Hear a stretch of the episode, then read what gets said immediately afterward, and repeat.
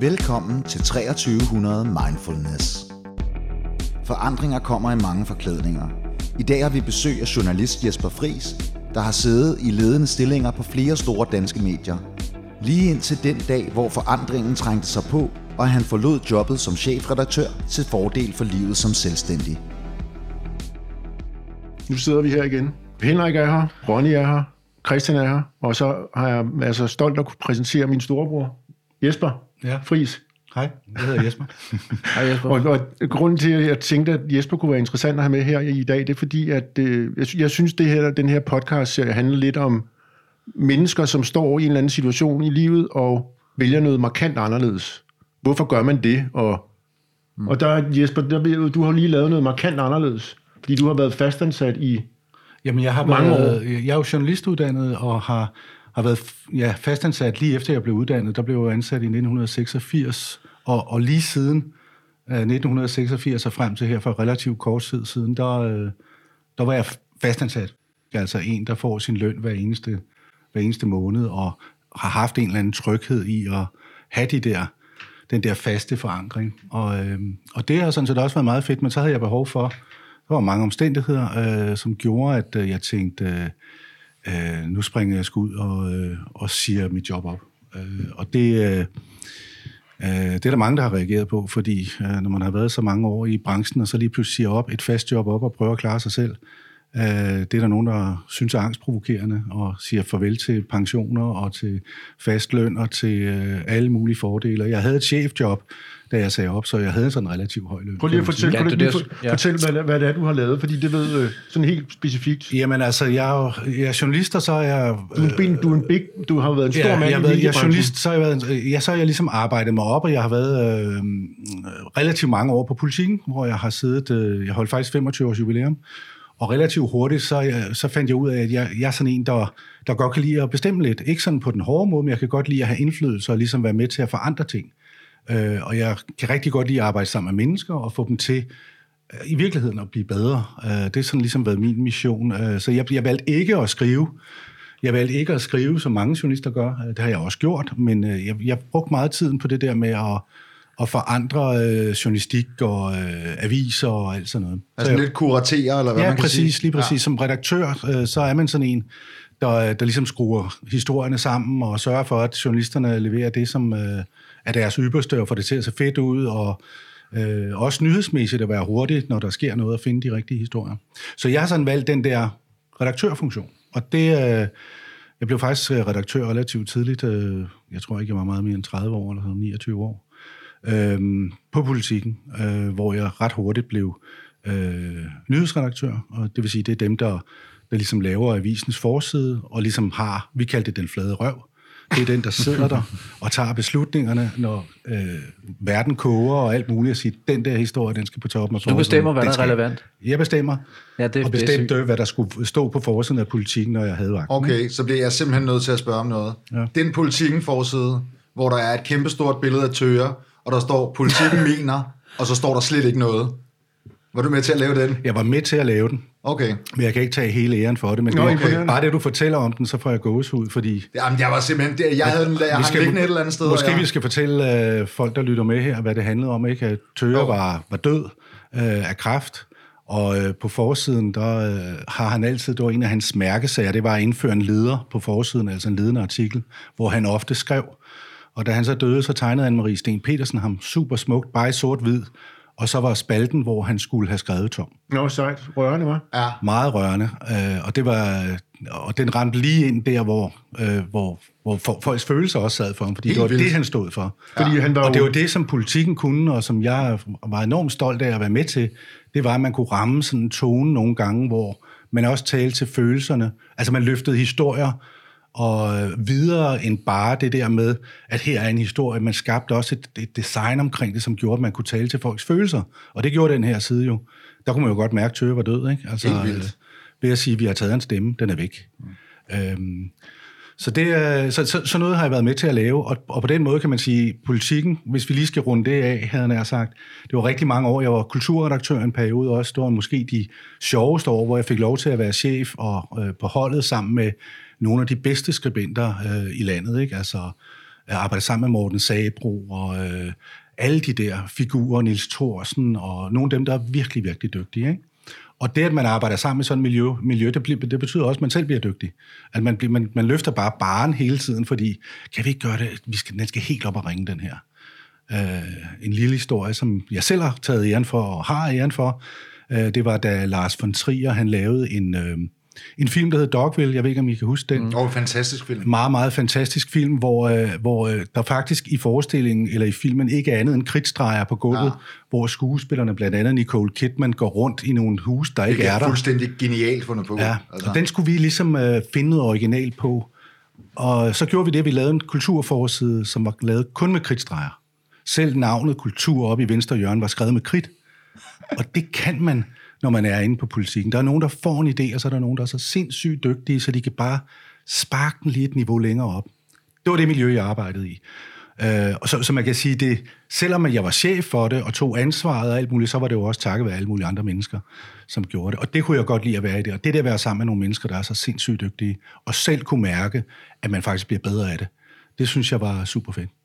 Så havde jeg et meget tæt samarbejde med Tøre i en periode, hvor ham, der udnævnte mig til kulturredaktør, øh, og det var ham, jeg sparede med, og øh, jeg sparede også mere, mens han blev syg og sådan nogle ting. Men også han at arbejde sammen med sådan et menneske, som, øh, som en af mine kolleger sagde, når han kom ind ad døren, så var det ligesom om, der kom en royal. øh, fordi, fordi man kunne bare ikke konkurrere med hans viden. Han, altså, han var så dybt begavet et menneske. Så, og igen det der med barn, når nogen er kloge, og altså, men han læste uh, Ringenes Herre hvert år til jul, ikke? Uh, jeg tror, Søren Pind, han sagde det en gang på et tidspunkt, han blev nemlig også, og det er det sjove ved, ved Tøre, havde også den der meget, meget store berøringsflade selv med nogle folk, der man dybt uenig med. Og så sagde han så til Søren Pind, at det sjove ved Tøre, det er, at der er ikke den lille altså indianerstamme i, i Sydamerika, nej, som man ikke ved noget nej, om. Nej. Altså, det er fuldstændig sådan ubegrænset... Øh, ja. ja, jeg var sammen med, med nogle gamle kolleger fra politikken i går faktisk, som vi mødes en gang om året.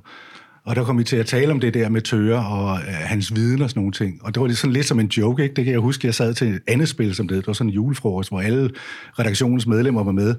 Og det farlige var, når Tøre kom. Altså, hvad for et bord valgte han? Og så kom han hen til mit bord, hvor jeg sad sammen med nogle andre, så sagde han, ej, hvor hyggeligt, sagde jeg så. Nu skal vi lave noget sjovt nu skal vi diskutere udenrigspolitik. det, det, er måske ikke, det er måske ikke lige det, man gør til et andet spil og til en julefrokost, hvor man skal have snaps og alt muligt andet. Ej.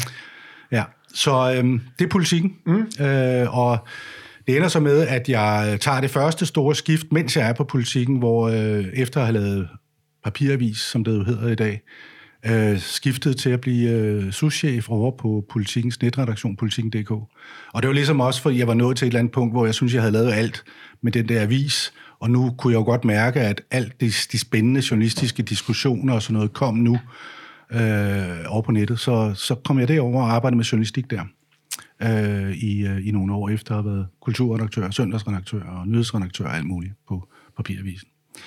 Øh, ja. Og så kom du til Jamen, så skete der det, at øh, øh, jeg var, nu jeg er 58 nu, øh, så jeg havde jo også, jeg, efter at have været på politikken alle de år, så havde jeg også en ambition om at prøve at blive chefchef, altså øh, blive chefredaktør for et medie. Øh, og det fik jeg et tilbud om og en mulighed for i øh, 2015, som passede mig rigtig godt, fordi at der var sket nogle ting på politikken.dk, og det havde forandret sig, og Øh, jeg var ældre og sådan nogle ting, så jeg tænkte, hvis, det, hvis jeg skal prøve sådan noget, så skal det være nu. Og så var der nogen, der kontaktede mig og spurgte, om jeg ville være chefredaktør på TV2 Øst, øh, som er en af, af TV2-regionerne. Under TV2-paraplyen, men selvstændige regioner. Der er otte i alt ikke? i Danmark. Og det var øh, TV2 Øst ligger nede i Vordingborg. Øh, og det synes jeg var spændende, selvom jeg også godt vidste, da jeg gjorde det, at det der med politikken kom aldrig tilbage igen, fordi det ville ikke være muligt at omplante den kultur, og det ville ikke være muligt, at jeg ville få de samme oplevelser, men så kunne jeg måske til gengæld prøve at være chef, og, øh, og prøve at se, hvad, kunne jeg faktisk også noget, når jeg ikke var på politikken? Altså fordi man bliver hurtigt, når man er derinde sådan et sted med så mange dygtige mennesker, så bliver man meget hurtigt også fedtet ind i det, så man nogle gange bliver lidt i tvivl om, hvad fanden er det egentlig, man kan? Hvad er det egentlig kompetencer, og hvad er det? Kunne man, kunne man noget alene, for eksempel, mm. hvor man trækker sig ud af det der univers, ikke? Så det var en del af det, der lå i mine overvejelser, da de, øh, da de, da de spurgte mig om det der. Så der startede jeg øh, i 2015, øh, 1. maj, øh, og synes, at altså, jeg kunne mærke fra starten, at jeg skulle arbejde med det her. Øh, medarbejderne var anderledes. Øh, det var en helt anden de lavede, de lavede fjernsyn, ikke? Øh, og jeg havde ikke en kæft forstand på fjernsyn øh, overhovedet. Også det var en udfordring. Kunne jeg det? Øh, så jeg gik, øh, gik til den sådan og oplevede også relativt tidligt, at jeg blev opfattet som en, der kom ind fra København og politikken. Der var en eller anden form for ærefrygt, tror jeg, omkring mig. Nu kommer han derinde fra politikken og tror, han er en stor mand, og ja, ja, og han ved ikke noget om fjernsyn, og hvad skal det ende med det hele? Så jeg havde også nogle, nogle sammenstød med nogen, ikke sammenstød, men i hvert fald nogle gnidninger med medarbejderne. Jeg oplevede også en anden kultur, hvor man ligesom på politikken var meget sådan samtaleunivers. Det var sådan noget, hvor folk snakkede om alting. De sagde tingene til hinanden. Medarbejdere kunne, kunne godt, turde godt sige til deres chef, at han var en klaphat, eller han havde på truffet på, på, på politikken, Nå, på, ja, okay. at, at, at noget, man gjorde, havde været dårligt, eller irriterende, eller generende, eller noget, de synes var forkert. Så man hele tiden havde mulighed for at pejle, også efter, hvor fanden er medarbejderne henne her? Er de sammen med mig, eller er de ude på en øde ø? Ikke? Øhm, da jeg så øh, kom, og det, det var ikke det samme på, øh, på, øh, på TV2 Øst. Altså jeg synes, altså der var en larmende tavshed. Folk talte rigtig meget, men ude på gangene, og når de sad i bilerne, og de skulle ud på opgaver, så snakkede de, og jeg synes hele tiden, der var sådan nogle mislyde eller et eller andet. Godt ord. Øh, jeg kom til, øh, og jeg, jeg prøvede sådan fra starten ligesom at, at gå rundt og hilse på alle mennesker. Det var noget af det, jeg blev kendt for inde på politikken. Det var, at jeg hilste på folk om morgenen. Jeg gik ud og gav dem hånd, og så, hvordan har du det, og hvordan ser det ud? Det synes de var super fedt, og jeg synes, det var sådan en chef, der godt gad øh, interessere sig. Ja, for mig var det det der med, hey, nu er vi på arbejde sammen, skal vi ikke fyre den af, ikke? Øh, det var sådan en tanke med det, så det prøvede jeg lidt også på TV2 Øst, men holdt igen op med det, fordi de, synes, de opfattede det anderledes. De opfattede det som om, at jeg ja, nu kom han der-agtigt, ikke?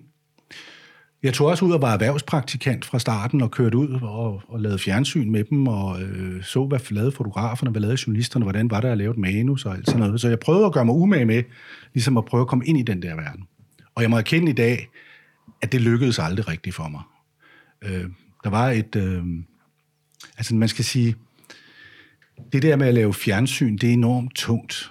Altså, det er sådan noget med, at der skal laves billeder. Altså, de kunne lave altså, en, to minutter og, og, og 10 sekunder var hvad et hold på en fotograf og en journalist kom hjem med, når de havde været væk i 10 timer. Ikke? Oh, eksempel, det, det er helt vildt, jo. Så det er jo, det er jo et kæmpestort ressourceforbrug. Jeg kom jo der og havde sådan også en masse tanker om, hvordan kunne vi gøre det her smartere? Hvordan kunne vi lave, lave mere velforberedt journalistik og sådan noget? Fordi jeg synes, det, det kan jeg godt sige her, den her snævre kreds, ikke? jeg synes, tv kan være meget overfladisk. Det tror jeg, det, det tror jeg, vi er enige med dig i. Og, og, og, man, og man synes, at man synes, at man ikke får, hvad fik man egentlig at vide der, ikke? Mm. Um, og det er sådan, der er sådan nogle kulturer omkring, hvor langt må et indslag være. På politikken sagde jeg bare, når du egentlig kom med en historie, sagde jeg, hvor langt må den være, så sagde jeg, så langt, så den er god hele vejen. Ja. Altså, ja. jeg havde ikke sådan nogle... Jo, selvfølgelig der var rammer for, hvordan avisen var og sådan noget, men jeg havde ikke sådan nogle regler for, at det skulle være på en bestemt måde. Hvis noget var pissegodt skrevet, hvorfor skulle jeg så slå det ihjel eller skære det ned til det halve? Ja. Og det, jeg kom lidt ind med den holdning også øh, på, på TV2 Øst, at, at, at historien må gerne være længere, og, og meningen var jo, at dem, der sad og kiggede på det, skulle få noget ud af det. At de skulle blive klogere på en eller anden måde, eller at de skulle føle et eller andet, når de havde set på det. Og så kom jeg med en masse digital erfaring også, som handlede om den her transformation fra tv-station på den kedelige kasse med fjernbetjeningen, og så social media og øh, net og øh, korte klip og tekster på video og alt det der. Og det var ligesom det, der var min opgave. Det var ligesom at trække TV2 Øst ind i øh, den digitale verden. Okay, men det er jo fandme det er også tre kultursammenstød, du kommer med. Jeg skulle lige til at sige, det er noget fra politikken, og du kommer fra den, den, den skrevne journalistik til, til tv-mediet, og så kommer du i øvrigt med den der disruption, som alle bare synes er pissehammerende uhyggeligt, ikke? Ja, og det synes de, tror jeg. Jeg, ja. jeg, jeg, jeg, jeg, jeg vil ikke... Øh, jeg tror, de fleste er sådan set enige i, at der skulle ske noget. Altså, vi blev nødt til at forholde os til den der digitale virkelighed. Og der var nogle få skridt, der var taget allerede. Ikke? Jo. Men, men for mig var det... Øh, og jeg, jeg tror, jeg så sådan lidt øh, øh, ukonventionelt, kan man sige det, på det. At øh, jeg, jeg så ikke øh, så meget de der grænser, som mange af medarbejderne så. Altså både i forhold til faglighed og sådan noget. Jeg så meget det der med, jamen altså, skal vi, hvad med at lave video på det der, og øh, kan, man ikke, kan I ikke lave en snas sådan der, hvis nu man gør sådan der, øh, og så, så er den fed til Facebook eller et eller andet. Og det viser bare, at at der var ikke, der var ikke den fremdrift, den ting, de ting, de var meget sådan, også stolte af det, de lavede, med rette, fordi de var dygtige, og de er dygtige folk til at lave fjernsyn. Men jeg var sådan lidt forandringsivrig, øh, og jeg var ved at komme helt op og køre, da vi efter øh, relativt kort tid øh, blev kæmpestore på Facebook i forhold til vores, øh, dem, vi sammenligner os med de andre TV2-regioner, og synes, det var en succes, og prøvede ligesom at tale den op. Øh, men kulturen, som du siger, der var nogle kultursammenstød, og kulturen øh, blev ved med at sidde der. Jeg tror, der gik to år. Og jeg er jo, jeg, jeg er jo sådan en, der... Øh, altså, jeg er sådan en relationsmenneske. Jeg kan rigtig godt lide at have relationer til de mennesker, jeg arbejder sammen med. Fordi jeg tror også på... Øh, det, og det er ikke, fordi det er strategisk, det er bare, fordi det er sådan, jeg er. Jeg kan godt lide, at, at man gør noget sammen, og man er åben og ærlig over for hinanden. Øhm, og derfor så vi fik, fik lavet en, øhm, det skal man, man skal lave sådan nogle medarbejdertilfredshedsanalyser, hedder det. Det kan enten hedde MTA, medarbejdertilfredshedsanalyse, eller APV. Det er, det er sådan noget, som arbejdstilsynet ja. laver. Arbejdspladsvurdering. Arbejdspladsvurdering, ikke? Det skal man lave. Øhm, og jeg havde fået at vide, at da jeg blev ansat dernede, at TV2 Øst var en af Danmarks bedste arbejdspladser. Der hang plaketter op på væggene om, at de var, de var kåret til den bedste arbejdsplads og alt muligt. Og jeg, jeg tænkte, fedt mand, der er ikke ret meget arbejde at gøre her. Uh, men det var der. men så kom, de var faktisk utilfredse. Ja. Medarbejderne var Ja, det var de faktisk, og der skete det den der MTA, der, der tænkte jeg, da jeg, jeg sad uh, i chefredaktionen sammen med den administrerende direktør, uh, og en til, og um, så, så, så sagde jeg, den der opgave vil jeg gerne på. Jeg vil gerne sætte mig sammen med medarbejderne og få lavet en, en MTA, sådan en medarbejdertilfredshedsanalyse, fordi det er vigtigt. Og jeg sagde, at det skal være fuldt åbenhed og transparens, og det ene med det andet, og folk skal kunne sige, hvad de vil og alt muligt. Og så kom MTA'en, så da vi var færdige med den, og jeg havde fået lavet den sådan lidt moderne, med sådan en lille hæfte, man kunne få, der hedder, sådan har vi det. Agtigt, ikke? Sådan lidt den, uh, sådan nu, ikke? ja, ja, ja. Altså, hvis folk ikke tør at sige noget, ja. så hænger det jo også ja. meget godt sammen med, at så, så bliver det jo, så ser ja, det jo bare det var, pænt ud. Jeg tror ikke, jeg tror nok, jeg følte, at jeg havde nogle udfordringer, men det var ikke sådan, så jeg, øh, jeg havde set det komme. Men da den MTA kom efter, øh, jeg havde været der to år, tror jeg, 16 eller et år, 16, 17, øh, der fik jeg bryl. Der fik, folk, folk, de måtte skrive anonymt om cheferne. De behøver ikke skrive, sætte deres navn under. De kunne bare skrive, han er inkompetent. Øh, latterligt, når han går rundt og hilser på folk om morgenen og sådan noget. Var der nogen, der skrev det? Jeg, ved ikke, jeg, jeg kan ikke lige huske det, men jeg kan huske, og det siger den her snæverkreds, at jeg var ulykkelig. Jeg læste, jeg var så idiotisk, så jeg læste den, den om natten, da den kom, og blev frigivet. Fem også et dårligt tidspunkt at læse. Virkelig dårligt tidspunkt. Jeg havde, ikke, jeg, havde ikke, jeg havde ikke sovet ret meget, men jeg kan bare huske, at jeg blev ked af det. Jeg blev ja. simpelthen ked af det. Fordi det ikke var intentionen øh, på nogen måde. Hvordan, hvad mener du? Du var ikke din intention, at der nej, skulle komme nej, noget Nej, tværtimod. Jeg, jeg, jeg sagde til mig selv, de kender mig slet ikke, de ved ikke, hvem jeg er. Mm. Eller også så ved jeg ikke, hvem jeg er. Øhm, så de, de var ret rå. De sagde noget sådan, du ved, øh, han er inkompetent. Og jeg tænkte, inkompetent, det, hvis der er noget, jeg er blevet kaldt igennem min 30-35 år i lange karriere, så er det sgu aldrig inkompetent. Det kan godt være, at jeg har været, nogen har synes, jeg har været lidt for flabet, eller jeg har været lidt for øh, opfarende, eller hvad for et eller andet. Nej, ikke opfarende, det er jeg faktisk heller ikke. Arrogant Men, måske? Måske arrogant, Henrik. Ja. Jeg er fuldstændig, ikke? Altså, at de, nogen, der har haft lidt svært ved at læse mig, ikke? Så jeg tænkte, inkompetent, hvad fanden betyder det? Og så tænkte jeg, igen med min... Øh, øh, omfavnende hjerne, eller hvad du vil kalde det, sådan, så tænkte jeg bare, øh, det er jo nok ikke det, de mener. Der er nok, et, der er nok en grund til, at de skriver lige præcis det. Og så tænkte jeg, jamen, inkompetent, det er jo nok noget, nogen siger, fordi jeg ikke kan lave fjernsyn. Og så, så synes de, det er inkompetent, at man har ansat en chefredaktør, der ikke kan lave fjernsyn. Så jeg prøvede ligesom at formidle det for mig selv. Så sige, jamen altså, det, og de skal have lov til det. De må gerne, de må gerne øh, kalde mig en idiot og alt muligt andet.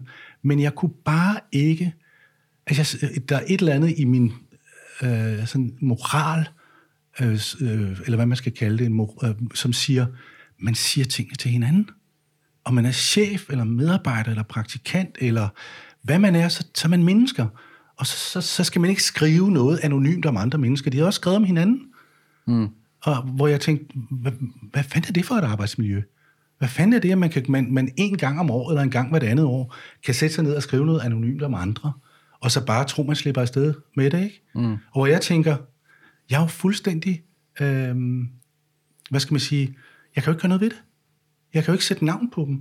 Selvom jeg måske kunne gætte mig til, hvem det må var, der synes det er det om mig eller vores arbejds, øh, samarbejde, så kunne jeg jo ikke gå ud og tage fat i, hey, kom, lad os lige snakke om det her. Det kunne jeg ikke. Det er jo derfor, man har en fin presseskik om, at man skal undgå anonyme kilder i allerhøjeste grad. Ja, ja fuldstændig. Ja. Og det tror jeg også, det, det, det sidder meget dybt i mig, det der. Ja. Det der med at, at, at, beskytte folk også. Ja. Øhm, men men, men, men det, det er virkelig vigtigt for mig. Og det, det tror jeg også, os, og, og selv som mennesker, noget, altså noget det, I måske også selv har oplevet, det der med at nå frem til at være sig selv.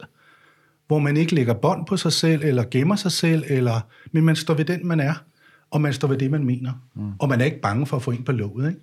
Og der synes jeg, der er, der er sådan en kultur på mange arbejdspladser, som er, er sådan noget med, at øh, øh, det er sådan en gammeldags måde at tænke på, at man skal lave en undersøgelse, fordi medarbejderne, de er jo bange for at blive fyret, så de må ikke sige, de skal have lov til en gang imellem at slippe damp ud og fortælle lidt om, hvad de egentlig mener rigtigt. Ikke? Men prøv at kigge på jer selv. Hvad vil, hvordan ville I selv tænke, hvis vi kunne skrive noget om hinanden, uden at stå ved det? Altså, så det, og det kom lidt som et, en klaphammer. Jeg blev enormt ked af det, og jeg, øh, jeg havde samtidig nogle udfordringer derhjemme, privat, øh, øh, som gjorde, at jeg tog en pause på 14 dage bare, men hvor jeg sagde til min direktør Vagn, øh, jeg skulle lidt pæve ud af den her. Øh, jeg skal lige trække vejret. Og så gik jeg og brugte den tid på at gå nogle lange ture og gå og tænke over, øh, skal jeg tage den kamp? Altså, ved at, et, ved at udsætte mig selv for det her? Giver det mening for dem og for mig at være der? Så allerede der, kan man sige, der, øh, der, var, der var jeg sådan, hvor, hvor jeg, jeg kunne godt fornemme, at jeg havde svært ved at komme rundt om det her, og komme ind, og, og ligesom blive accepteret også som en, der kommer ind. Og aller, aller vigtigst, blive anerkendt for den, jeg var. Øh, det er et andet vigtigt princip for mig i forhold til ledelse, der taler man meget om det der med, at, øh, hvad er det, man kalder det, når, at, man, at chefer skal ligesom, de skal, man kalder det asynkron. Der er et asynkront forhold mellem medarbejdere og chefer, ikke? Øh, og det skal chefer indrette sig efter. Der er jeg nok mere sådan en, der tænker, jo mere man er sig selv, øh, jo mere troværdig er man, og jo mere øh, kan man få andre menneskers respekt øh, omkring sig. Ikke? Det er sådan mit princip i hvert fald. Jeg valgte at fortsætte øh, og, øh, og arbejde videre, og vi, jeg tror, jeg var der fra 1. maj 2015 og frem til 1. maj, godt og vel 2019, og vi lavede noget, der ligner 4-5 store forandringsprocesser, hvor vi blev mere og mere digitale og lavede organisationen om og alt muligt. Og øhm, det kom vi også til her øh, sidste år, hvor vi øh, lavede den helt store, fordi vi, ikke, vi kunne ikke rigtig se, at vi lykkedes med det her. Så vi tænkte, nu, nu øh, min direktør kaldte det, øh, nu vælter vi murene. Altså, starter vi lidt forfra-agtigt, for at få det her til at lykkes. Og det betød, at vi bragte, bragte alle spilling, øh, stillinger i spil på arbejdspladsen. Øhm, øh, og alle skulle ligesom, hvis ikke søge deres eget job, så i hvert fald definere sig selv i den nye virkelighed. Og det var ligesom den måde, vi ville presse dem på. Helt åbent. Altså presse dem på og sige, nu skal I tage stilling til, det her det er den nye virkelighed. Og vi vil gerne bruge jer alle sammen men det er de her rammer. Øh, og det var en meget stor, meget stor, der, der var mange, der var bange, øh, det, er, det ved jeg, øh, og bekymrede. Det kan også lyde ubehageligt. Det lyder meget ubehageligt. Det er, det er, men ja. det, det er altså man, man kan sige, øh, jamen hvis jeg skal sige, øh, hvad, hvad, hvad er egentlig mest ubehageligt, ikke?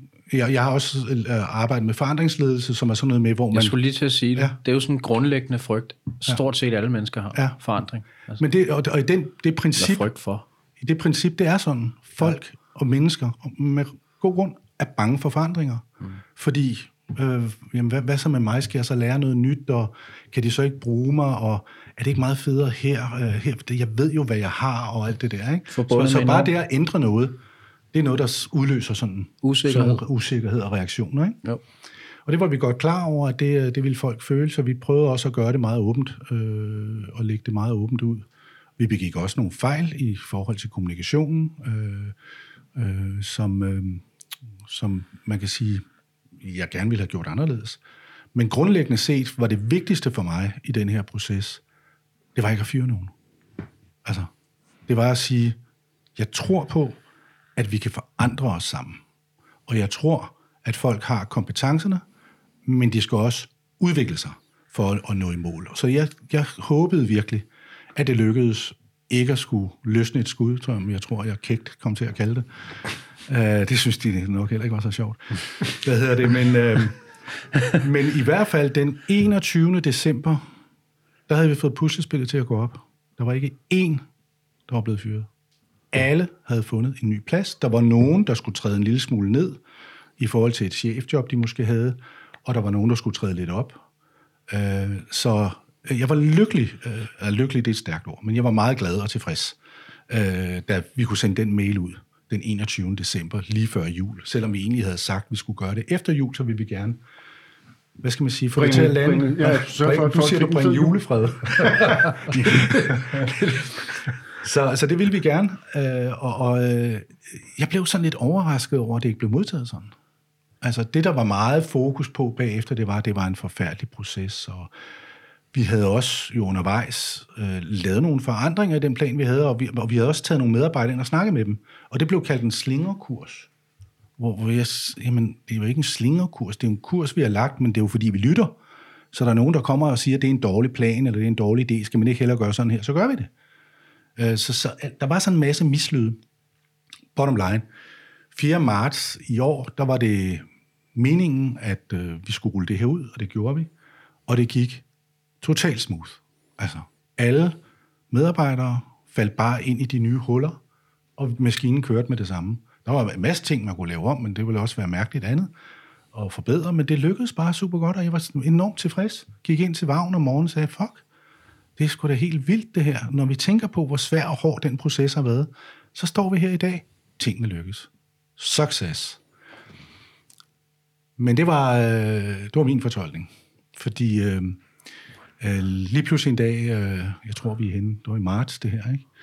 Øh, i løbet af marts, der kommer tillidsmanden ind på Vagns kontor, min direktør, og, øh, og siger, øh, vi har en tillidskrise. Tillidskrise, siger Vagn. Hvad mener du? Vi er jo færdige med det nu. Jamen, vi har en tillidskrise. Øh, medarbejderne stoler ikke på ledelsen og ledelsens beslutninger og den måde, tingene er blevet håndteret på her. Jamen, det lykkes jo, siger Vagn så, ikke? Og stort set samme dag, så står der en øh, person fra arbejdstilsynet ude på arbejdspladsen. Og vi kigger ud og siger, goddag, hvad laver du? Jamen, vi har et, øh, et uanmeldt besøg. Ja, fordi der, de havde fået meddelelse om, at der var et dårligt arbejdsklima. Og jeg var sådan, what? Nå, jeg ved godt, det har været svært, men hvem har ringet til arbejdstilsynet? Og så tænkte jeg, kan det være rigtigt, at der i huset her er en medarbejder, eller to, eller hvad ved jeg, som ringer til arbejdstilsynet og siger, at de skal komme, frem for at gå ind til mig, eller gå ind til Vagn og sige et eller andet. Vi er bekymrede over det her, vi skal gøre et eller andet. Så vælger man at gå til arbejdstilsynet. Og det er rigtigt, vi har haft nogle stressmeldinger undervejs. Der er nogen, der også har fået, altså, kan jeg godt sige her, i poser i sæk, har fået, altså når man bliver stressramt, på, der hvor jeg arbejdede der, så fik man otte uger afsted hjem med dig, og øh, coach på, og psykolog og alt muligt. Så vi også håndteret det. Og det er naturligt og normalt, at folk i sådan nogle situationer kan komme ud og blive presset. Og så hjælper vi dem. Men øh, der stod arbejdstilsynet så, og en tillidsmand, der sagde, at vi havde en tillidskrise, og jeg var sådan lidt, øh, det er sgu egentlig lidt mærkeligt, øh, det her. Vi havde også et, øh, en konflikt med arbejdstilsynet om, at vi ikke fik lavet den der APV, vi snakker om før. Der skulle, den skulle vi lave i 2000 og 18, tror jeg, men vi valgte at vente med den, til forandringsprocessen var overstået. Så det anførte de, at vi skulle det, og så satte vi den i gang, den der APV. Øh, den nye APV. Og øh, så, så gik vi i gang med at diskutere det, hvordan håndterer vi det her?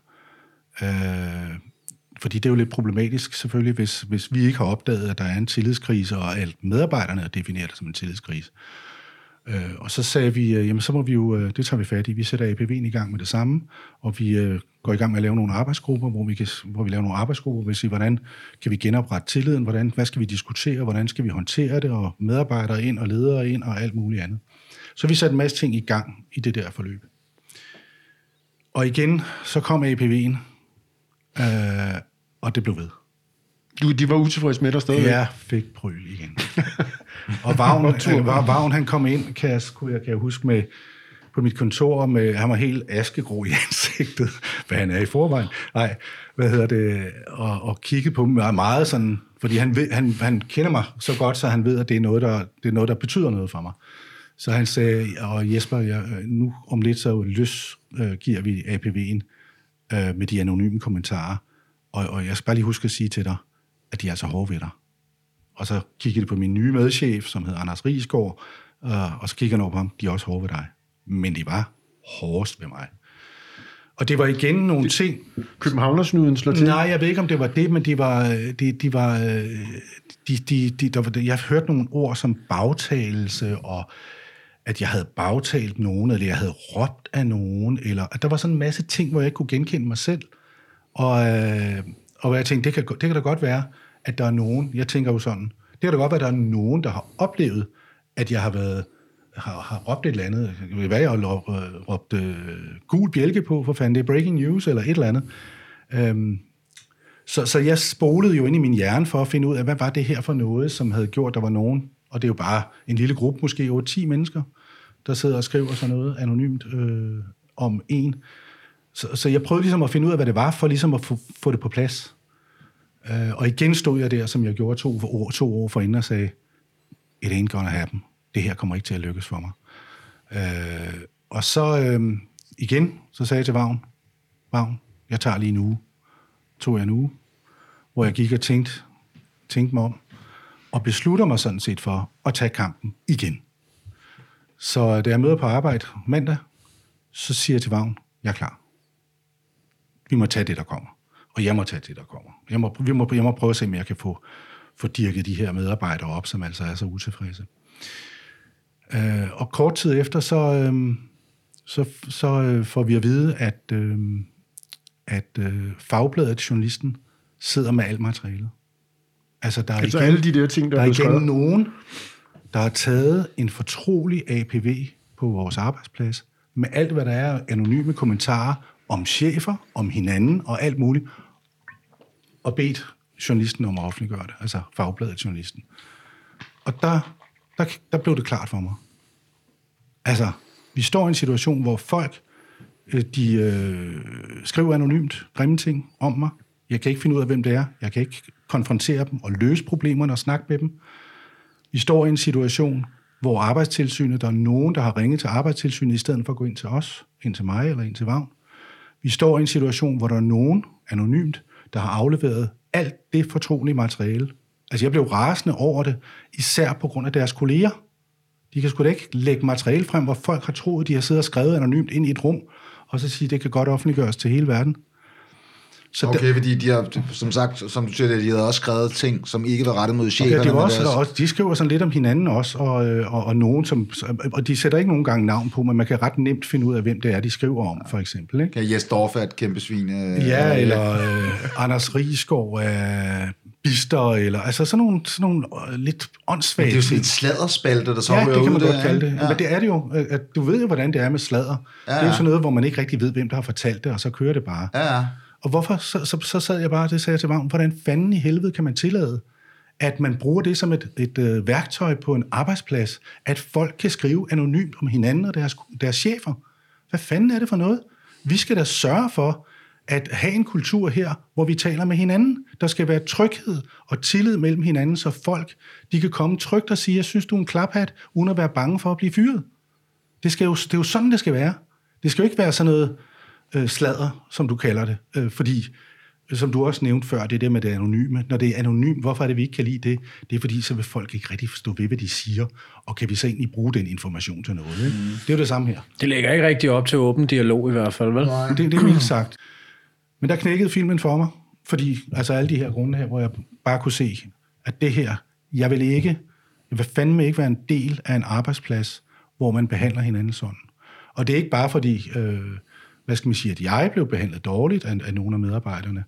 Øh, det er også lige så meget hele den kultur, der er omkring det. Så jeg, så, så jeg sagde, det her, det er, for det første, det, kunne ikke, det, det ville ikke lykkes, det kunne jeg jo se uh, helt entydigt her. Øh, uh, we're under attack uh, på en eller anden måde. Ikke? Så uh, jeg gik hjem over weekenden, og så sagde jeg til Helle, min kone, nej, fandme nej. Jeg ved ikke, hvad der sker, men mandag morgen, der siger jeg op. Øhm. Og det er jo sindssygt efter som du selv siger, 30 år? Eller 30 år, og jeg, jeg, Fast indkomst, ved du, at du skal være det? Det er det, og man, kan, og man kan jo sige, hvis man skal kigge på det, og det er jeg også selv bevidst om, så kan man jo sige, at det, det kan være, at du ikke var god nok. Det kan være, at du, øh, det kan være, at du bare håndterede det der forkert. Det kan være, at du ikke investerede nok. Du gjorde de forkerte ting. Sådan gør man jo hele tiden. Jeg er altid den, eller det vi, vi der sidder her, vi kigger altid lige på os selv først. Det var os, der er idioter i virkeligheden, ikke? Øhm, så jeg sagde, så den grove øh, konklusion, det er bare sådan, det var bare ikke et, et godt match. Det duede ikke. Og hvad gør man så? Øh, man kan jo fedt spille. Man kan sige, øh, når jeg fortsætter bare skide ligeglad og øh, tjener mine gode penge og alt muligt andet. Øhm, eller jeg venter på, at jeg gør mig dårlig, eller et eller andet, øh, melder mig syg eller noget, så kan jeg blive fyret og få en god, øh, øh, hvad skal man sige, øh, aftrædelse, ikke? Men det, sådan er jeg bare ikke skruet sammen. Altså, jeg vil ikke kunne leve med at rende rundt og være syg, bare fordi jeg har haft en, noget, nogle problemer på mit arbejde. Øh, så, og det har jeg også sagt, når, når, jeg, når jeg har diskuteret det her med mine, mine chefer, at øh, kender det der med at tippe bordet, ikke? Det er nogle gange, så er det det der med, at chefer, de tager ansvaret for alting, og jeg kunne egentlig godt, jeg kunne godt lide at sige øh, til folk nogle gange, okay, nu har du sagt, hvad du gerne vil have på arbejde, må jeg så ikke spørge, hvad får jeg egentlig fra dig? Du får 45.000 om måneden. Hvad har du? Og det er jo det, er det jeg mener er tipbordet. Mm. Og, og når jeg siger det, så er det også bare det der med selv at tage et eller andet ansvar. Selv at tage et ansvar, også når det er svært. Så sige, jamen prøv at høre, jeg er ikke en, der fedt spiller og øh, alt det der. Hvis ikke jeg kan, jeg, jeg kan godt lide at sige, hvis ikke man kan lide lugten i bageriet, så fis af. Og det, det valgte jeg at gøre. Med al den usikkerhed, der var forbundet med det også. Jeg vidste ikke, hvad jeg ville få i løn. Øh, altså, jeg ville få penge øh, 1. Øh, juni, efter jeg sagde op 1. maj. Og så sagde jeg, da jeg havde sagt op til Vagn, så sagde jeg, jeg håber, jeg håber at vi kan, vi kan lave en god aftale, fordi jeg kommer til at skulle arbejde lidt for at komme, uh, komme videre her. Og der er han, og det vidste jeg jo godt, et, et ordentligt menneske, og så jeg, jeg fik skrabet noget ferie og øh, fik noget aftrædelse, og så, så sagde jeg op. Så sagde jeg til min kammeratchef, Anders Riesgaard, som er nyhedschef og derinde også, så sagde jeg, jeg skal nok komme de næste dage og hjælpe dig med at lande alle de bolde, jeg nu måtte have i, i spil, så du forstod, hvad det var. Ikke? Så det tilbød jeg. Så kom jeg på arbejde tirsdag, og jeg kunne bare se, det duede bare ikke. Det duede simpelthen ikke. I'm out. Og så gik jeg, jeg stadigvæk lavet en aftale med, med TV2 Øst, så jeg gik ind til Vagn og sagde, Vagn, det duer ikke. Jeg er ude. Øh, så nu sætter vi os ned og får lavet en aftale. Det fik vi gjort over 24 timer, fik vi lavet en aftale. Onsdag var jeg lige inde og skrev under og lave den aftale, og så var jeg væk. Ser du ikke farvel til nogen? Nej. Stærkt. Sådan. kun, til, kun, til, kun til Wagner og Rigskov, men jeg fik jo så nogle uger senere lavet sådan en, en seance, hvor jeg talte om det her. Altså ikke det, jeg sidder og talt nu, men det der med at selv tage ansvar og turde springe ud i det. Mm. Øh, altså, ikke være bange, øh, selvom man er det, og sige, det kan du godt. Kom, vi gør det. Det er det, jeg siger. Han er meget solid, min bror, i det der. I sådan, du er solid i din øh, sådan syn på livet. Hvad, der, hvad man skal... Du skal yde noget. Jeg er også gammel. Skal, ja, okay. jeg kunne godt tænke mig at spole tiden lidt tilbage i forhold til de her arbejdspladsvurderinger. Øh, som du læste på de forkerte tidspunkter. Ja. Øhm, jeg sad og tænkte, det eneste tidspunkt, der var værre, det var, hvis man læste den, når man havde tømmermænd. Ja, ja, præcis. Faktisk. præcis. Du kunne godt have gjort det værre. Ja. Det kunne jeg godt, tak. Hvad hedder det? Øh, nej, jeg tror bare, nu tager jeg udgangspunkt i mig selv. Nu har jeg aldrig været chef på nogen som helst måde. Ikke engang i mit eget liv. øh, men, men, men hvis jeg lige pludselig fik sådan en anonym, altså jeg har jo sådan, øh, sådan nærmest ustyrligt et, et eller andet til, at du ved, alle skal kunne lide mig og sådan noget, og det er også noget, jeg arbejder med. Men det der med ligesom at få at vide nogle ting, det, ja. hvor man faktisk begynder at betvivle lidt. Har du nogensinde været der, hvor du sådan virke, altså, sat spørgsmålstegn ved din egen person? Og hvad gjorde det? Altså, fordi det, helt øjensynligt, så er det jo så lidt frem til, at du har taget en beslutning om at komme videre og sådan noget, ikke? men du har jo alligevel blødet i det. Hvornår stopper håbet om at kunne forandre den, de her folks mening om dig, og hvornår skal du sige, det er sådan der. Det, det, det må jeg leve med. De kan ikke lide mig. Jeg kan godt lide mig. Og kommer aldrig til at kunne lide dig Ja, måske. Altså. Men det tror jeg, det er rigtigt. Altså, jeg, tror, jeg tror også, det hænger sammen. Jeg er ikke, det er der mange, der tror, og de, de siger, at jeg er arrogant, når jeg kommer. Det, det har jeg nogle gange fået at vide. Det får mine sønner også at vide i øvrigt. Men det er de ikke. Mm. De, har, de har jo selvværdsarbejde, som alle mulige andre jeg er sådan en, der har enormt brug for anerkendelse, og jeg har enormt brug for, selvom jeg er chef... Velkommen at, i klubben. ja, at få at vide, få at vide, at jeg er ok, og det er ikke noget at gøre med at være verdensmester, men jeg ved, at lige snart, og det ved jeg også nu, hvor med mit, det, det, jeg laver nu, det er, jeg, jeg, og det har jeg jo lært på politikken og alle mulige andre steder, jeg holder barn højt. Jeg vil ikke bare være god, jeg vil være bedre, bedst, mm. ikke?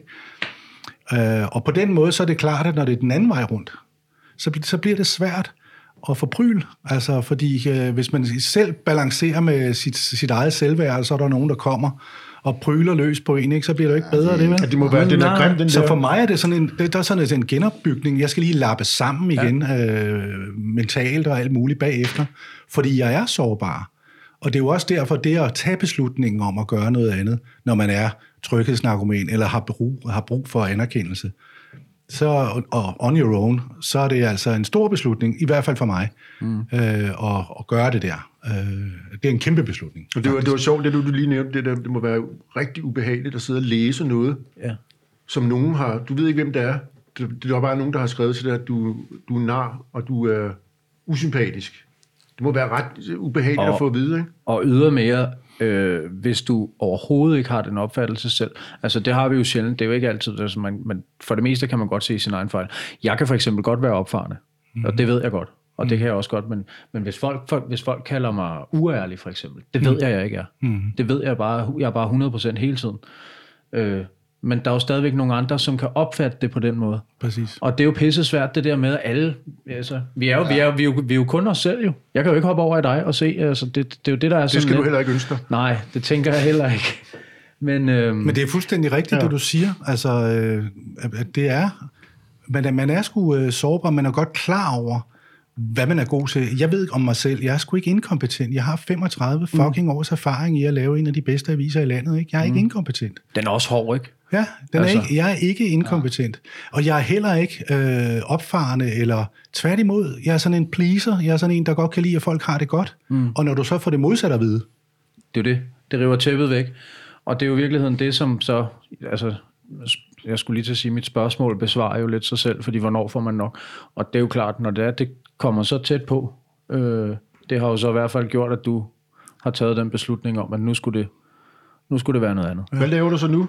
Ja, det var det, jeg ville frem til. Ja, jamen, øh, jeg gjorde det relativt hurtigt bagefter. Jeg, jeg var sådan, jeg, det har gået også bagt i mig, som jeg, der skete jo også den der, der var ind til MTA nogle år tidligere og sådan noget, ikke?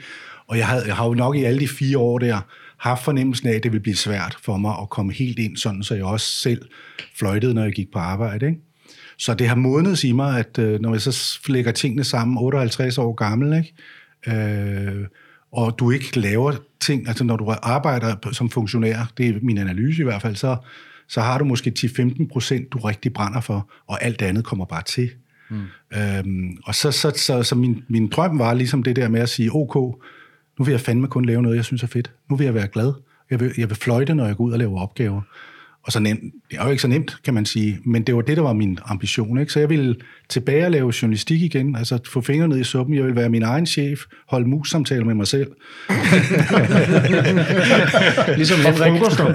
og frokoster med mig selv. Jeg kan huske, lige et af de første dage, hvor solen skinnede, og det var sommer og alt muligt andet, så gik jeg ned på målen nede i Køge, helt ud for inden, i shorts og det hele med solbriller, satte mig med benene op på en sten, tog et billede af mig selv og sendte det til Helle, min kone, og Malou, min datter, og så skrev jeg bare, der er møde i direktionen. Ja. Om jeg har også haft sådan nogle, øh, hvor jeg skal ud, og så skal jeg lave alt muligt, som ikke giver mening så abstrakt noget. Nu skal, nu skal jeg være alene, og så skal jeg gøre det her. Og så har jeg også lige sendt et billede. Ja. Fordi man skal lige... Øh, jeg tænkte lige på, Jesper, det, det, sådan som jeg opfattede dig, ikke? Ja. så har du lige igennem i, du har været sådan en øh, karrieremand i mediebranchen. Nej, det, det er forkert at sige nej, karrieremand. Nej, men det, det, det, det, jamen, du har i hvert fald arbejdet i mediebranchen ja. i mange år. Ja. Og så øh, her på det sidste har der været sådan, der har dit humør ikke været sådan det fedeste. Mm. Det har selv jeg lagt mærke til. Mm. Og så hør de, de nye tilbagemeldinger, jeg hører fra de mennesker omkring dig, mm. det er, at du bare er, du er eksploderet jo. Mm. Du er ligesom kommet tilbage, du, du, du er blevet glad igen faktisk. Ja. Altså sådan en, og det er jo en ret hård, det er en stor beslutning at tage, og så blive glad. Ja. Altså det er fik rigtig mange, øh, altså for det første, altså rigtig mange reaktioner på det, ikke? Fra branchen og folk, jeg kender, sms'er og alt muligt. Jeg fik 300 kommentarer på Facebook og alt muligt. Og den sådan gennemgående tone var, det, det rigtig fede var det, det var, at folk synes det var en sej beslutning. Også fordi jeg lagde det åbent frem, at der var nogen, der... Øh, jeg havde nogle konflikter med nogle medarbejdere, og det kunne jeg ikke håndtere. Det gjorde jeg at lave ud på Facebook. Fik rigtig mange kommentarer, hvor folk synes det var en fed beslutning. Det, det var virkelig noget, der støtter en, ikke? Og så fik jeg så mange kommentarer på Facebook om folk, der havde haft fede oplevelser med mig som chef. Nå, altså, fedt. der var en, mm. som, som øh, en af stjernepigerne, øh, praktikant, tidligere praktikant på politikken, som nu er redaktionschef på Zetland, som skrev øh, en lille historie om, hvordan hun blev set af mig. Og, Åh, oh, det er rørende. ja, Ja. og der startede hendes journalistiske karriere. Ikke? Og du ved, det er jo sådan noget, hvor det er jo sådan, det er jo sådan, jeg gerne ville have, det skulle være. Så det at få de der, det der, hvad skal man sige, vy over, at man faktisk ikke er en idiot, man har faktisk gjort noget fedt, ikke? For nogen, og man har betydet noget for nogen, det er jo, det er jo et godt boost, når man så samtidig kaster sig ud i noget, der er relativt uvist, ikke? Christian, du har tidligere nævnt det der med, det som Jesper har gjort, det er der mange mennesker, de skriver nemlig, hvor er det sejt gjort, men det er enormt svært at gøre selv. Ja. Ja, jamen, det er rigtigt. Det gør man jo, det gør man jo heller ikke. Altså, det er, fordi det er, øh, jeg, jeg, jeg jo det, jeg har tænkt over, altså, hvor mange gør sådan noget. Og det er der ikke ret mange, der gør. Der er mange, der gør det, som er iværksættere og, sådan, og helt unge måske, øh, som måske øh, bare også har et, et, et, sådan, hvad skal man sige, vågemod på en anden måde, når man er 58, som jeg er, ikke? Og så er der bare heller ikke så, så er der ikke særlig Der er ikke så mange meget funktion-. Der er heller ikke så mange funktionærer i mediebranchen, vel? Nej, nej, det er det, men, men man, man kan sige også, at der, der er selvfølgelig, når man er helt ung, så er der heller ikke så meget på spil endnu.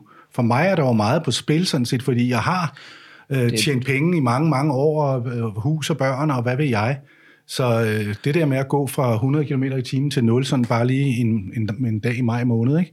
Det, er jo det er ikke, det er jo ikke bare noget, man gør, når man er sådan en som mig, vel?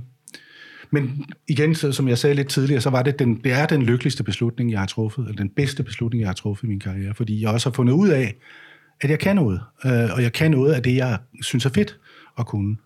Så jeg begyndte at lave relativt hurtigt. Jeg var også lidt spændt på, om jeg havde den der energi, som skal til for ligesom at starte fra nul og køre op i, ud på motorvejen. Ikke?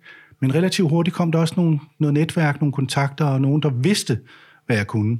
Så jeg blev hurtigt ringet op fra en af mine gode tidligere kammerater, øh, Karl Erik Storgård på Euroman, og, og, og, og du ved, det tænker jeg meget over, det der med at tage en chance selv. Men han ringede til mig og sagde, skal, skal vi ikke drikke kaffe? Skal du ikke lave noget for mig? Og, når man så ikke har øh, en indkomst sådan lige her og nu, så siger man, jo da. det skal jeg da. Hvad, Hvad er der med det samme? Hvad, hvad, hvad, hvad, hvad, hvad, handler det om? Jamen, jeg, jeg, jeg, har brug for en voksen, sagde han så, øh, der, kan, der, kan, der kan gå ud og lave nogle politikere og sådan nogle ting. Og så jeg, kan du lave Søren Gade i næste uge? Ja, ja, ja selvfølgelig kan jeg det. det kan jeg da. Og det gjorde jeg. Og lige pludselig så var jeg bare inde, og jeg opdagede, at det jeg, det, jeg lavede, var fedt at lave. Det, var, det er også hårdt, men det er også fedt. Og når jeg afleverer noget, så synes folk, det er fedt. Og, og så tænker jeg, det er sgu ikke så tosset, det her. Øh, jeg synes, det er sjovt. De synes, det er sjovt.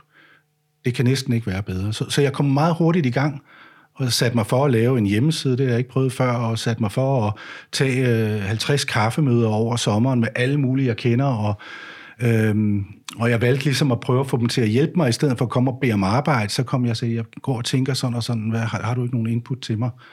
Og, og lige pludselig så fik jeg nogle huller her og der, som, øh, som gjorde, at jeg begyndte at, f- at få nogle forskellige opgaver, som jeg selv har været med til at definere, kan man sige. Ikke?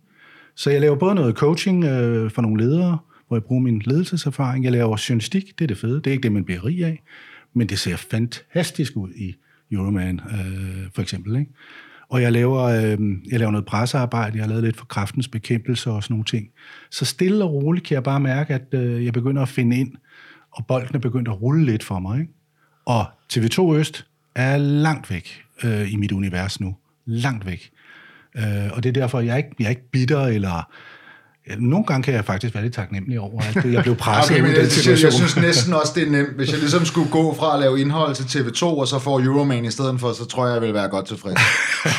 altså, det er, det er, du kan, man, kan ikke, man kan ikke forestille sig et bedre magasin at skrive artikler i. Ja. Det kan godt være, der er meget ure og mange accessories, ja. men der er, det er jo simpelthen ja. også nogle af de bedste portrætinterviews, der overhovedet findes. De, det er jo det magasin, ikke? Ja.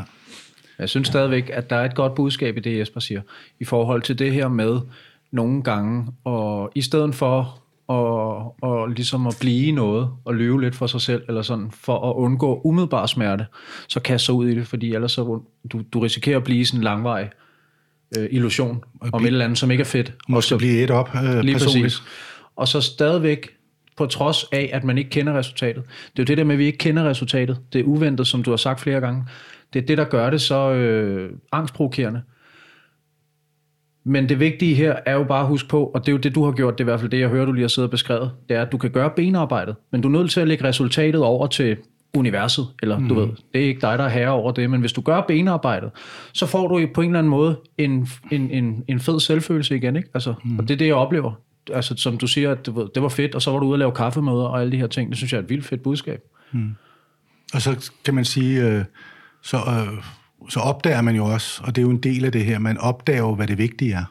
Altså, det er jo ikke arbejdet. Mm. Det er jo ikke arbejde. Det vigtige er jo at alt det omkring dig. Altså, jeg har jo fået vanvittig opbakning fra min kone, for eksempel, som har sagt til mig, øh, men altså, det kan, gud kan du så, og så sælger vi huset, altså. Så bevæger vi os videre. Mm. Og det er sådan, det er jo øh, på en eller anden, en eller anden bizarre tryghed, ikke? At man ligesom, for det første, at man er fælles om det, men også, at jeg ligesom kan se dem omkring mig, og, og mine børn og sådan noget, det er, det er meget vigtigere. Og, og det er faktisk en metode til at være bedre for dem, det er, at ens arbejdsliv gør, at man er glad, eller de børnene kan se på en, at man trives. Så kan det godt være, at man ikke tjener så mange penge, men altså, mm. at man kan se alt det der rundt omkring, som er det vigtige, hvor jeg kunne godt have valgt bare at arbejde solen sort. Det har jeg også gjort. Mm. Men jeg har været der nu, og er øh, ligesom et andet sted. Super fed pointe. Der ja, den her, den her beslutning, den her ligesom beslutning, før. Ronny, den her beslutning, den har... Øh, øh, altså på en eller anden måde, så genfinder man lidt sig selv. Mm. Altså, Øh, og, og også, som vi har igennem hele livet, alt den usikkerhed og alt det der, ja, det er der. Mm. Det er der. Men vi klarer det nok. Lige vi sidder ikke i en, en, en landsby i øh, Afrika og skal kæmpe for at få vand hver dag. Altså, det klarer vi nok, ikke? Mm. Så er der jo en lille sjov twist i det her, faktisk, som vi lidt overser. At alle dem, der sidder på TV2 Øst, som så ikke rigtig turde at sige deres mening, eller i hvert fald ikke kastede sig ud i det her, vi ligesom at prøve sådan, de er jo, de er jo, de er jo blevet, de, de er jo blevet i det. Ja, ja. Det er så deres angst for forandring ja. har jo hjulpet dig til forandring. Ja. Det, var det, det, var, det, det, det, det blev meget godt an til det der med, skal man sige tak? Ja, ja. Tak for, for, for dansen, eller hvad skal man, ikke? Det, er en vel, det har været en velsignelse i forklædning. Det har været en velsignelse i forklædning. en TV, TV2 Øst-forklædning. Det er helt sikkert. Ja. Og jeg skal lige, vi skal lige have den sidste krølle på, fordi øh, når du siger det der, det, det barokke bliver jo at da arbejdstilsynet efterfølgende kommer med et påbud, de kommer med et påbud til, til arbejdspladsen. Det er stadig det samme.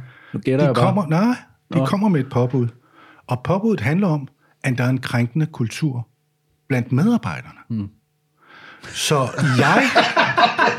var det paradoxalt? Det var det fedt. Ja, det, det synes jeg paradoxalt. Så jeg er jo den, der måske med rette eller urette har taget konsekvensen af det, den relation, der var i en eller anden udstrækning. Altså jævnfør det, du siger. Ikke? Mm. Det er sgu mig, der har sagt op og kastet mig ud fra 10 km højde uden, flyvsk, uden faldskærm. Ikke? Altså, øh, og og, øh, og det, det, det, for mig er det, øh, alle mennesker øh, på TV2 Øst må have det, som de gerne vil have det, og de er skønne mennesker, rigtig mange af dem. Øhm, men i den sidste ende, så, øh, så handler det om selv. For mig i hvert fald har det handlet om at tage ansvaret selv, så sige, det handlede om en ting var, at der indimellem var noget lort og nogle, nogle dårlige øh, relationer, men det handlede om mig selv. At det handlede jo om at kunne se, se sig selv i øjnene og også føle, at man kunne være den, man er, også når man arbejder. Altså, mm. altså når man er derude, uanset man er chef igen, som vi snakkede lidt om før, ikke? Altså, så skal man jo, ja, man er jo bare et menneske, der har nogle forskellige funktioner og nogle forskellige kompetencer, men det er jo det, man er. Og det menneske skal man kunne leve med. Ja. Og hvis ikke man kan det, så er det, man skal, man skal gøre et eller andet. Ikke? Jeg er helt enig, helt enig. Og så leder det mig jo lidt frem til, at så kan man sige, nu har du måske lidt været inde på det og svaret, men hvordan har du det så nu? Jamen altså, så, ja, Henrik er jo min bror, han... så han er jo rigtig god til at læse mig, men han har jo også opdaget, at der er sket noget, og jeg synes selv, jeg har fået en helt ny energi og øh, en helt ny øh, lyst til ting. Øh, og, og, og jeg har opdaget nogle ting omkring, øh, jeg behøver ikke være fastansat. Jeg kan godt klare mig med det her. Jeg, jeg, der har været forskellige situationer, hvor der er nogen, der har sagt til mig, skal du ikke søge det her job, det her job? Hvor jeg har sagt, super sødt, du tænker på mig, men jeg skal lige prøve det her. Jeg skal lige være det her og se, om det ikke kan lykkes for mig. Og det kan godt være, at det ikke lykkes for mig, at jeg holder det sådan, så jeg kan leve af det øh, om et år eller et eller andet. Men så må jeg jo så må jeg små ærmerne op og finde noget manuelt arbejde eller et eller andet. Altså, så, det er sådan lidt, jeg ser på det. Mm. Og det er derfor, jeg protesterer lidt, når du siger karrieremand. Jamen, det er jo også... Øh... Fordi øh, det er, det, er jo, det er jo en lang række af... Det er jo ikke noget, jeg har besluttet, nej, hvad jeg skulle. Jeg har jo ikke sagt, når nu vil jeg være kulturredaktør, så når nu vil jeg være det, når nu vil jeg være det. Det er jo også noget, der bare... Altså, jeg har jo ikke, jeg har jo ikke søgt et job. Øh, det er jo, på den måde er det jo... Er det jo, også en rigtig, rigtig god pointe i forhold til det samfund, vi lever i. Altså det der med, at man tit ja. ender et sted, fordi at man bare ikke orker at gøre noget andet. ja, præcis. Nå, altså, undskyld mig, jeg har selv været der, og, og, og, og det der med, at, øh, nå ja, men, hold kæft, man, jeg har det skidt hver gang, jeg går hjem fra arbejde, men, men, jeg, men jeg ved, hvordan det er at have det skidt. Altså, det kan, mm. jeg, det kan jeg, jeg kender den her følelse, og jeg kender den så godt, så åbenbart, at du ved, det der med at sige op, og så komme videre, og måske mm. prøve noget som ikke, det er stadigvæk, det er, næsten, det, det er underligt, ikke? At det er at, at man frygter det mere, ja. end den der øh, øh, konstante kedsomhed, eller sådan kedattighed, eller man går og mm. føler et eller andet indeni, som ikke er særlig fedt jo. Mm. Altså jeg synes jo meget, at jeres kamp har jo været om liv eller død. Den har været sådan lige til, ikke? Altså, det var sådan lidt, det, det, det, nå, men der er sådan nå, lidt, okay, stop, bare, eller du dør. Ja, eller, lige du præcis. Ved, nå, det, det kan man godt sige, at den, den, den har været lige til på den måde, men det er jo bare, det er jo meget mere alt eller intet. Men i virkeligheden handler det jo det der om, og hvordan det er, man tilgår livet. Altså, mm. hvordan er det, man... Øh, for, for at kunne være i det. Øh, hvad skal der til, for at man kan være i det? Ikke? Så på den måde er der jo nogle paralleller, selvom øh, jeg er jo privilegeret, kan man sige, fordi for mig har det jo ikke handlet om liv eller død, i hvert fald ikke lige her nu. Det er jo først, når jeg ikke har flere penge, ikke? men altså... Mm. Øh, så det er jo, der er jo jeres Ja, ja no, det er jo det der med, at der, altså det, og det, og, og, ja, nu sagde du det selv, det, det var sådan rimelig håndgribeligt for mig at se, altså hvad fanden det skete, hvad der skete i mit liv, når det var sådan, altså, okay, du tager stoffer, så du kan ikke passe et arbejde, og du er, du er for, forfærdelig over for alle mennesker, dit liv er lort. Det er sådan meget nemt at se. Ja, ja. Det, ja, det andet kan øh, være mere komplekst. Det er lidt mere komplekst, ja. ikke? Altså, jeg, jeg, jeg, det er sådan noget, jeg har snakket rigtig meget om før i tiden med andre mennesker og sådan noget, hvor sådan, er du sind, fordi jeg kender virkelig mange, der bare ikke er tilfredse. Der, jeg, kender, jeg, tror, jeg tror ikke rigtig, jeg kender nogen, der kan jo, lide deres job. Christian måske, kan lide sit måske job. Christian. Yes, jo, jeg kan godt lide, men det er meget sjovt. Øhm... Der er ret, altså, jeg kender flere, der ikke kan lide sit job, og ikke gør noget ved det. Øh, Jamen, det, det, jeg vil egentlig faktisk gerne knytte en kommentar til det der, fordi, fordi jeg, det var jeg, faktisk noget til, at det jeg tænkte, og jeg, jeg, jeg, øh, før vi skulle lave det her, fordi jeg kendte ikke helt øh, historien, så jeg blev nødt til at moderere mit spørgsmål sådan lidt, ikke? fordi at, øh, altså, du har jo arbejdet på redaktioner hele dit liv, ikke? Det er mig væk, altså det er bare relationer for alle penge. Der er med mange mennesker, der er sindssygt mange kilder, der er folk, der ringer ind, der er mennesker. Mm. Der er mennesker, mennesker, mennesker, ikke? Og så skulle gå fra det til dig selv. Mm.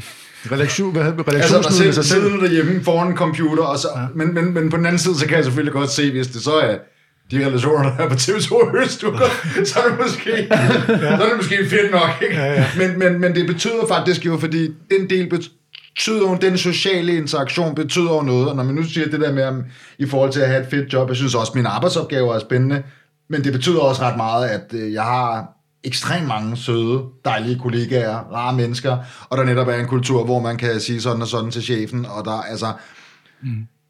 Men, men, det, men det, det er rigtigt. Men jeg, jeg, jeg tror, den, øh, den, har, jeg, den er blevet transformeret for mig ja. til, at jeg har hentet noget energi i det behov for relationer, så jeg kan gå ud og mødes med folk og holde de der, som jeg snakker om, kaffemøder, okay. og hurtigt tage fat i nogen, og på den måde øh, opbygge, altså, eller, eller tilfredsstille mig selv med det der relationshalløj. Øh, men altså, det er jo rigtigt, at når man sidder øh, og, og skal lave et stort portrætinterview for eksempel, og skal aflevere det, så sidder man jo alene med det, og man ved jo ikke, mm. om det er lort eller hvad det er. Man synes jo selv, det er et eller andet, eller man kan, alle, man kan selv se alle problemerne selv, og så afleverer man det. Og så sker der ikke noget et par dage, og så går man rundt der. Der var det jo anderledes på en redaktion, hvor man kunne få respons lige med det samme. Ikke? Altså, her er det, øh, når, hvad, hvad må de sige til det? Og så kommer der en tilbagemelding, nå, var det godt? Jamen, når du siger, at det var glimrende, hvad betyder det så? Og sådan noget. Du bliver bedømt Er det bare fordi, I trykker det, at du siger, det, det, det er trykværdigt, eller hvad fanden ved jeg? Og, og så, øh, ikke mindst, når man så skal aflevere et portrætinterview til den, man har interviewet, så kan vedkommende kende sig selv, eller er det helt sort og sådan noget. Og igen, på den måde, så får man det så lidt tilbage. Så på den måde arbejder man for sig selv. Øh, og det, er, det, det ved jeg, det kan jeg mærke på mig selv, det skal jeg lige arbejde lidt med. Altså, øh, ja. Fordi øh, man får enormt meget bekræftelse af at være på en redaktion. Især når det er en god redaktion, så får man meget bekræftelse hver dag også, selvom man også øh, føler, at man søger den hele tiden. Ikke? Så det gør man jo, fordi der er relationer. Om ikke andet, hvis de synes, man er en klaphat til at skrive, så kan de være, de synes, at man er en sgu meget sød person. Ikke? Det er det. Så der ja. er hele tiden det der, og det, det har man ikke, når man er alene. Min bror Søren, øh, Henriks, øh, min lillebror, han siger, at han har været selvstændig i Nord, han siger, men, men den anerkendelse får du ikke. Du får en anerkendelse, når, du får, når der er nogen, der har betalt din faktura. det, er, det, er den, det er den ros, du får. Ja. Og det er ikke helt rigtigt, men altså, der er jo noget om det der med, at de tænker jo bare ind på redaktionen, om han ham der, han, han er jo så selvsikker. Han har lige været ude og interviewe Søren Pind, han har fuldstændig styr på det skide godt, det han har skrevet, bla, bla, bla, ikke? Han har ikke brug for noget. Men det har man jo. mm. Det ved jeg ikke, om du har lyst til, Jesper, men det, nu er det, det, det er måske lidt uden for programmet her, agtigt. Kunne du ikke fortælle, det har jeg pralet med, at du har skændtes med Martin Krasnik? Ja, det er fandme mange år siden. Ja, men det, det, det, men det er bare ja. det at møde ham er jo stort. Jo, jo, for mig jo, i hvert fald. jo, jo, jo, altså, det, det var så ikke lige så stort for mig, men, øh, men det var... det var i hele, alt det der, nemlig. Jeg ved, ikke, om jeg, jeg ved ikke, om jeg havde ret, det synes jeg jo selv, men øh, jeg havde skrevet et indlæg i politikken, det, meget, det var meget sjældent, jeg gjorde det, da jeg var kulturredaktør, og skrev noget, hvor jeg mente noget selv, men jeg havde skrevet noget om, om omskæring af drenge, velvidende, at det var, øh, det var en vipserede, jeg tror det Nej, det er det stadigvæk. Det er det stadigvæk, ja. og det her det er altså 15-20 år siden, 15 år siden. Ja. Eller noget, ikke? Men anyway, der havde jeg skrevet en, øh, en, øh, der var en justitsminister, der hed Lene Espersen, som, som, der var en stor debat omkring kvindelig omskæring, som jo var meget mere alvorlig og, og maltrakterende og sådan noget. Ikke? Ja, ja. Og så skrev jeg et indlæg, der hed, men du har glemt drengene, Lene Espersen, ikke? Og det handlede så om det der med, at øh, der stadigvæk er omskæring af drengebørn øh, i Danmark øh, i forskellige øh, religiøse kulturer. Øh, og øh, jeg, er, jeg er jo sådan en, der tænker, øh, også på politikens vegne, sådan set, som er frisindsavisen og alt muligt andet, og interesseret i seksualitet og alt sådan noget, hvad man udvikler som menneske, som er seksualitet, at den lå lige til højre benet og sige, øh, at det der, det skal jo stoppes. Øh, vi lever i 2000 og et eller andet øh, på det tidspunkt. Øh, så det skal jo stoppes, fordi det kan jo ikke være rigtigt, at man bare, at der står en eller anden øh, præst eller en eller anden med en rystende hånd og skærer forhud af, af drengebørn i 2019. Øh, så det skrev jeg. Og, øh, og der, var, der er selvfølgelig også der er nogen i den muslimske verden, og for mig har det intet med religion at gøre. Det har noget at gøre med, hvad skal man sige, kroppens integritet eller menneskets mm. integritet. Der er ikke nogen udefra, der skal komme og gøre et eller andet, som er fuldstændig unødvendigt. Øhm, så det, det skrev jeg, og så blev jeg inviteret ind i uh, Deadline uh, af Martin Krasnik. Uh, Som jo er jøde. Ja, ja, det er, ja det, er, det er han jo. Og i øvrigt uh, stor fortaler for uh, omskæring af drenge. Og så var Samuel Raklin, som er tidligere, jeg ikke, han er tidligere, han er stadigvæk journalist, men, men uh, og også af jødisk afstamning. Og uh, jeg blev overfaldet øh, i, i deadline for den høj, og blev kaldt antisemit og alt muligt andet. Og det er også en god en, man altid lige kan tage. ja, det er det. Øh, og jeg blev også kritiseret for noget helt andet end det, der var mit synspunkt, nemlig noget, politikken havde gjort, og ikke noget af det, jeg havde skrevet. Men fred nu med det. Øh, og så lavede Martin Krasnik en meget sjov, øh, han ville lave sådan lidt kæk åbning, hvor han sagde, Samuel, du har den. Jesper Fris, du har den ikke. Og det var jo omvendt jeg har forhuden. Ja. så det var, okay. det var sådan lidt, det var lidt kikset start, ikke? Jo, jo. Men så blev jeg så overfaldet og fik lov til at fremføre min synspunkt, men jeg, jeg, jeg følte mig enormt presset, for det var en ret ubehagelig situation, og det gik også rigtig først op for mig bagefter, at jeg sad med Martin Krasnik og Samuel Rackling, som jo faktisk delte et synspunkt, og, ja, jeg, var, og, jeg, var, og jeg var fjenden, ikke? Ja. Men Krasnik havde sgu... Øh, hvad skal man sige, mandsmod nok til at skrive til mig bagefter, og skrive, det er ikke den, der taler mest, som vinder debatten, skrev han bare. Og øh, jeg tror ikke, jeg kommer til at nå at sige ret meget, før øh, Samuel Ragnin hæver hovedet af mig. Men, øh, men måske du, jeg var lidt men du har jeg ret, det Jamen det gør, men det er jo, du virkelig har du jo ret på en eller anden måde, hvis man skal diskutere lige det der, ikke? Ja, altså det er jo meget nuanceret, den der Ja, det, men det er noget med det, ja. det religiøse symbol for ja. jøder og alt det ja. der, og, men jeg synes stadigvæk, det er forkert at gøre sådan noget. Ja. Så det er det bare. Nej, det, men, ikke, men altså, den, den holdning har jeg jo lov til at have. Ja, selvfølgelig. Og men nu, altså, jeg er jo medlem af Radikal Debat, ikke? fordi jeg er medlem af Radikal Venstre, sådan en Facebook-gruppe. Ikke? Mm. Og jeg, jeg tror, det er en gang om ugen, så skal den lige op og vende igen, den der forhudsdiskussion. Ja. Og det er også sige, der har vi virkelig et parti, der ikke aner, hvor de skal sætte sig. Fordi der, der er simpelthen nogen, der er, der er nogle værdier, der bare kolliderer med fuld hammer. Ikke? Ja, ja. Du har den der tolerance, ja. og så har du samtidig den der altså, moderne øh, individualistiske øh, individualisme, liberalisme. Der er fandme ikke nogen, der skal bestemme over din krop. Ikke? Altså, ja. Så, øhm, ja. Og det, jeg fik jo også en masse, jeg oplevede også en shitstorm på det tidspunkt, der var folk, der skrev alle mulige mærkelige ting til mig. Der var en, der skrev virkelig ondsenet noget med, har du børn? Øh, har du drengebørn? Er dine drengebørn omskåret? Og jeg kunne sige, nej, det er de ikke. Øh, de er ikke omskåret. Har du lagt mærke til, hvor tit syge de er? Mine drenge er aldrig syge. Det er sådan nogle ting, okay, det er så god. hvor, hvor- man bare siger, "Ja, okay, men det er et lidt mærkeligt argument, ikke? På en eller anden måde, ikke? Altså, Du mener psykisk syge. nej, det kunne jeg ikke drømme om. Fantastisk. Ja. Jamen det, jeg elsker, når vi slutter i de nedre regioner. Jeg sidder og bliver vi kan komme længere folk, der Ja, bliver det kommer stødt. længere ned her. Hvad siger du, Ronny? Jeg sagde bare, jeg sidder og bliver stødt over folk, der bliver stødt. Jeg har Så jeg bliver stødt i anden. Jeg, jeg har sådan et, øh, jeg har et, et øh, slogan i øjeblikket, der hedder, jeg er krænkelsesparat. Ja, ja, ja, det er rigtigt. Ej, men jeg har faktisk et sidste spørgsmål, jeg godt vil have, øh, som jeg godt kunne tænke mig at svare på. Ja. Og noget af det, jeg sad og tænkte over, da du fortalte hele historien der om øh, TV2 Øst, ikke? det er, at du fortæller jo med det samme, at der er en distance, fordi der er de her kultursammenstød. Ikke?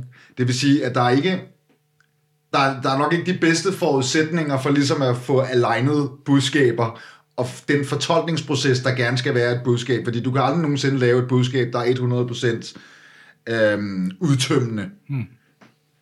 Og hvis der ligesom ikke er den dialog mellem chefgang, hvor du har siddet og medarbejderne, og der så kommer en melding ud om, I skal bare lige vide her, at uh, alle bolde er oppe i luften det næste halve år. Mm-hmm. Har, du, har du selv tænkt over sådan, okay, den kan sgu nok tolkes på en anden måde? Ja. Øh, altså, jeg, jeg var helt sikker på, at, at folk ville, øh, ville synes, det var utrygt øh, at blive tolket på en anden måde. Altså, jeg tænker jo også, at, at vi, vi, vi var ret bevidste omkring, at de ikke skulle søge deres egne stillinger. Vi lagde stillinger ud som et tilbud, kan man sige, som siger, det er de her funktioner, vi har brug for. Hvor vil du gerne være? Ja. Det var sådan, det blev. Men det er jo klart, det blev også oplevet som, når, okay, men hvad, hvad hvis der ikke er en plads til mig? Hvad hvis de ikke vil have mig der eller der? Ja. Så det er jeg fuldstændig klar over, øh, men jeg kunne heller ikke rigtig se, hvordan vi skulle komme videre, uden at gøre det på den måde. Altså, øh, det nævnte jeg ikke før, men det kan jeg jo så sige nu, ikke? Når vi taler forandringsledelse for eksempel, så er det jo det svære. Ja, ja, ja, ja. At det nemmeste i verden, det er da at sige, at vi skal bruge tre SoMe-medarbejdere og en digital redaktør, der har digitalitet helt inde i ryggraden, ikke? Jo. Og så skal vi jo skille os af med tre-fire stykker. Hvem kan vi bedst undvære? Det nemmeste i verden, det er at fyre folk og ansætte nogle, nogle andre. Men hvis du gerne vil beholde en kultur og en erfaring, så kan du også vælge den svære vej. Og det er at sige, at vi prøver at forandre den her gruppe mennesker med alt den øh, DNA, øh, TV2 Øst-DNA, de har, og så bringer os sammen videre. Altså, jamen altså, øh, for mig er det i hvert fald bare det der med at sige 10 mand ud, 10 mand ind. Det kan man jo godt gøre, hvis man vil have en hurtig effekt, men for hvis skyld er det? Er det, min, øh, er det min, øh, mit ønske om at få et hurtigt resultat, eller er det noget, der holder på den lange bane? Ikke? Så derfor så, er jeg, sådan, jeg går meget ind for det der forandringsagtige, hvor man bevæger mennesker i fællesskab med respekt for hinandens øh, kompetencer og holdninger og alt muligt. Og det er den svære vej. Og det, men, men, men det er jo klart, det vil jo give utryghed, når man skal flytte et menneske herfra og derover til. Det vil vedkommende ikke, som udgangspunkt, som du sagde, Rune, ikke? Det vil man jo ikke. Nej, nej. Så hvordan gør man det? Øh, Vi har prøvet øh, over de, de, første par år, jeg var der, at gøre det sådan øh, med få, få hentet nogle nye mennesker ind der, hvor der opstod nogle huller og sådan nogle ting, og langsomt vi satte alle ind på et Facebook-workshop, som nogen i øvrigt gjorde, gjorde grin med, ikke? fordi fanden det der med videoer på Facebook, ikke? Ja, hvad fanden skal man også bruge det skal man med det, ikke? Så, så vi havde prøvet mange ting, så ja, vi var også klar over det her, som jeg sagde, at uh, Vagn kaldte, nu vælter vi murene. Ja. Nu, skal de, nu skal medarbejderne forstå, at vi har brug for, at folk forandrer sig med nu. Ja. Og vi har brug for nogle nye folk, øh, eller nogle nye kompetencer. Ja. Så, øh, og det er jo klart, at det, det, det vi tænkte de jo også på, at der ville jo ske det, hvis der var en 4-5 stykker, der ikke faldt ned. Så havde vi jo en situation, hvor vi skulle forholde os til det. Så det var vi jo godt klar over. Det var derfor, jeg var så lykkelig den 21. december, da det viste sig, at alle faldt ned. Hvilket jeg synes var medarbejdernes skyld, fordi de var omstillingsparate og var klar til præmissen og alt muligt andet. Og at vi havde gjort et glimrende stykke arbejde. Ikke? Jo. Ja. Men jeg har jo, jeg sidder og tænker, jeg, jeg, altså, jeg, jeg er virkelig bange for forandring. Altså, det er jeg ikke bange for Det at er det sige. værste jo. Men jeg tror aldrig, jeg har skrevet en ansøgning, hvor jeg hvor ordet omstillingsparat eller forandringsparat som en af mine ressourcer ikke har indgået. Jeg kan sige, da jeg stoppede på politikken og, og flyttede til... Øh, jeg havde nået at være på politikken i 27 år. Jeg havde, fe- jeg havde 25 års jubilæum, ikke? Øh, der var min øh, afskedsreplik bare, at øh, jamen, øh, ved at sige op på politikken efter 27 år og prøve noget nyt, så viser jeg både, at jeg er omstillingsparat og lojal på én gang. Ja, det er rigtig nok, det er genialt. Ja, det er stærkt. Stærkt. Tak for i dag. Selv tak. Det Tak, var en Jesper. fornøjelse at være med. Ja, helt sikkert. Det var en fornøjelse at have dig med. Slut.